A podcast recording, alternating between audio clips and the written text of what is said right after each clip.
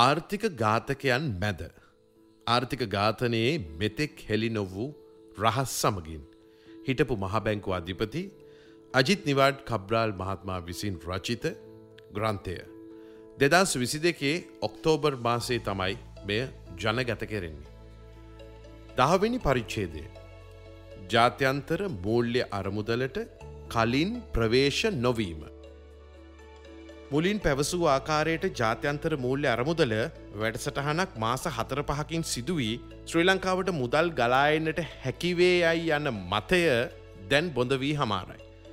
දැනට පවතින තොරතුරු අනුව එවැනි වැඩසටහනක් ඇත්ත වශයෙන්ම සාර්ථකව කරන්නට හැකිවේද කියා යම් සැකයක් මතු වී තිබෙනවා. එසේනම් අද ශ්‍රී ලංකාව ගමන් කරන්නේ මිරිංගුවක් කරාද උගුලක් කරාද විනාශයක් කරාද. නුදුරු අනාගතයේදී ජාත්‍යන්ත්‍ර මූල්‍ය අරමුදල සමඟ වැඩසටහන එකගත්වයකට එලබෙන්නට දැඩි අභියෝග තිබෙන බව දැයිම් පෙනී යනවා. ගෙදර ගියොත් අමු නසී මග සිටියොත් තෝ නසී වැනි තත්ත්වයකට ශ්‍රී ලංකාව මේ විදේශ බලවේග විසින් දැන් හේත්තු කර ඇති බව පැහැදිලිවම පෙනී යනවා. විවිධ කාලසීමන් වලදී විවිධ බලධාරයෙන් පරස්පර විරෝධී ප්‍රකාශ නිකුත් කරන අතර ඉතිරිව තිබූ සුළු විශ්වාසයද දැන් ක්‍රමක්‍රමයෙන් බොඳ වී ගොස් තිබෙනවා. දෙදස් විසි දෙක සැප්තැම්බර් මාස පළමු සතියේදී ජාත්‍යන්ත්‍ර මුගල අරමුදරත් සමඟ යම් එකඟතාවයකට එළමු බව මහා බැංකු අධිපතිවරයා යම් ආඩම්බරයකින් පැවසුවද එම එකඟතාවය රටට ඉදිරිපත් කරන්නටවත් රජය හෝ මහබැංකුව වැඩි කැමැත්තක් දැක්වුවේ නැහැ. සමාර විශ්ලේෂකයන් පුනපුනා ප්‍රකාශ කර පරිදි ශ්‍රී ලංකාවේ සියලුම ආර්ථික රෝග සඳහා හොඳම විසඳුම වන්නේ ජාත්‍යන්ත්‍ර මූල්‍ය අරමුදල සමඟ වැට සටහනක් නම් ජාත්‍යන්ත්‍ර මූල්‍ය අරමුදල සමඟ ඇති එකඟතාවය හෙළි කරන්නටවත් අකමැත්තක් දැක්වීම මහත් අභිරහසකි.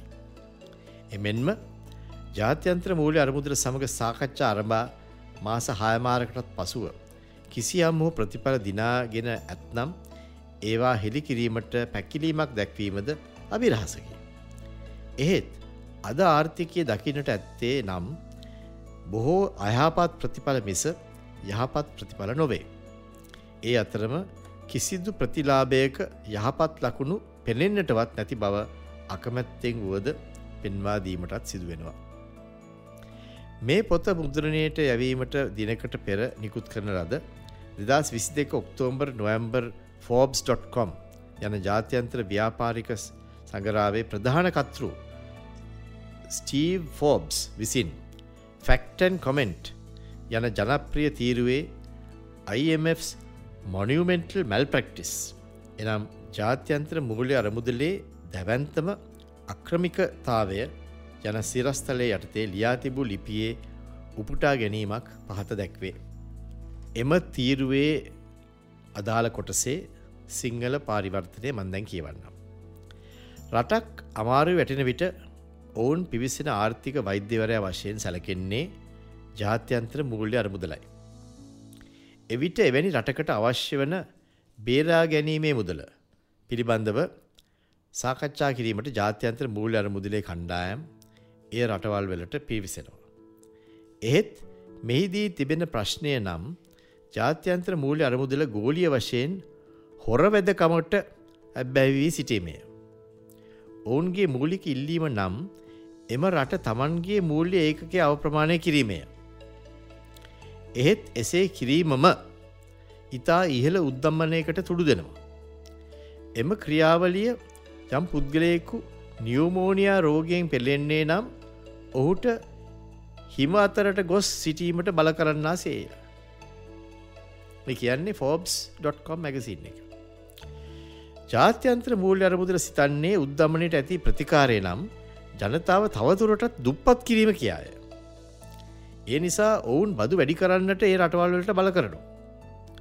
ඒ අතරම විශේෂයෙන් ආහාරසා ඉන්දන සඳහා ඇති ජනප්‍රිය සහනාධර ඇතුළු සහන කපාහැරීමට මෙම ඒජන්සිය රටවලට නියෝග කරනවා. න්‍යායාත්මකව මේ සුදුසු ක්‍රියාමාර්ගයක් ලෙස පෙනුණද ජාත්‍යන්ත්‍ර මූල අරමුදල මේවා සිදු කරන්නට කියා රටවලට උපදෙස් දෙන කාලය ඉතාමත්ම අහිත කරය.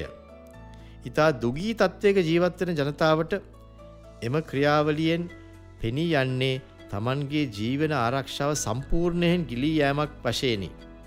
ඒ හේතුකොට ගෙන රටවල් තුළ දැඩි කැරලි කෝලහාල හටගන්නවා.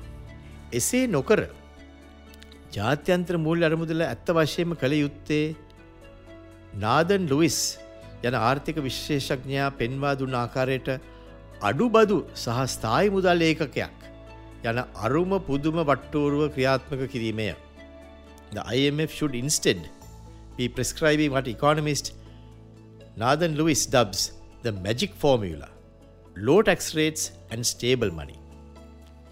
එම සංයෝජනය සැම විටම සාර්ථක වෙනවා. මුදල් ලේකක අව ප්‍රමාණය කරනවා වෙනුවට ස්විස් ෆ්‍රෑන්ක් පැණි යම් ස්ථායි මුදල් ඒකකයට සාපේක්ෂව තමන් මුදල් ඒකකය නියත අගේක පවත්වා ගැනීමට රටවල් කටයුතු කළ යුතුයි.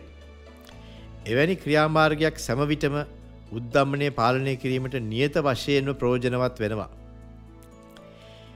ඉහත්ත විශ්ලේෂණය කර ඇති මැජික් ෆෝමිලා නොහෙත් නොහොත් අරුම පුදුම වට්ටෝරුව මේ පරිච්චේදේ සහ ඊළඟ පරිච්චේදේ අප දක්වා ඇති අදහස් සමඟ සමීපවම ගැලපෙන අතර ජාත්‍යන්ත්‍ර මූල්‍ය අරමුදලේ වර්තමාන ආර්ථික වට්ටෝරු ඇති ප්‍රශ්න ගැටලු සහ භායනකකම පිළිබඳව මුළු ලෝකයේම දැඩි විවේචනයක් තවදුරටත් වර්ධනය වෙමින්ද පවතිනවා. මේ සඳහා යොමුව මගේ පොතේ ලබාදීර තිනම් ඒ ෆෝබ්ස්.com සයිට් එකට. මේ වන විට ශ්‍රී ලංකාවේ ජනතාවගේ බලාපොරොත්තුද සුන්වී සහ මහ විනාශයක් කරා ඇද වැටීමේ බරපත්තල අවධානමක් ගොඩනැගෙමින් පවතිනවා.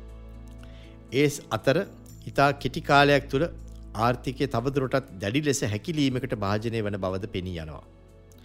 බලධාරින් දැනටමත් පවසා ඇත්තේ දෙදස් විසි දෙක වසරේදී ශ්‍රී ලංකා ආර්ථිකය සීට අටකින්ද දෙදස් විසිතුනේදී තවත් සීට අටකින්ද පමණ සංකෝචනය වීමට නියමිත බවයි. මෙහිදී සංසන්ධනය සඳහා ජාත්‍යන්ත්‍ර මූල්‍ය අරමුදලට පිවිසෙනට සහ ණය පෑරහැරීමට පෙර නිල වශයෙන් අපේක්ෂා කරන ලද වර්ධන වේගයන් නම් දෙදස් විසි දෙක වසර සඳහා ධන හතරයි දසම පහක්ද දෙදස් විසිතුන වසර සඳහා ධන සිට පහක්ද වුණා. දැන් කනගාටුවෙන් හෝ පිළිගණට සිදුවන්නේ ශ්‍රී ලංකාව සෙමෙන් නමුත් නිසැකවම බාහිර බලවේග විසින් සංවිධානාත්මකව වටලමින් එන්සර්කලින් හිරකරමින් ස්ටයිෆ්ලිං සහ පීඩනයට පත්කරමින් ප්‍රශරයිසිං එම බලවේගවලට යටත් වන්නට to be conquered ඉතා සූක්ෂ්ම උත්සාහයක් ඉතා සාර්ථකව ක්‍රියාත්මක වෙමින් පවතින බවය.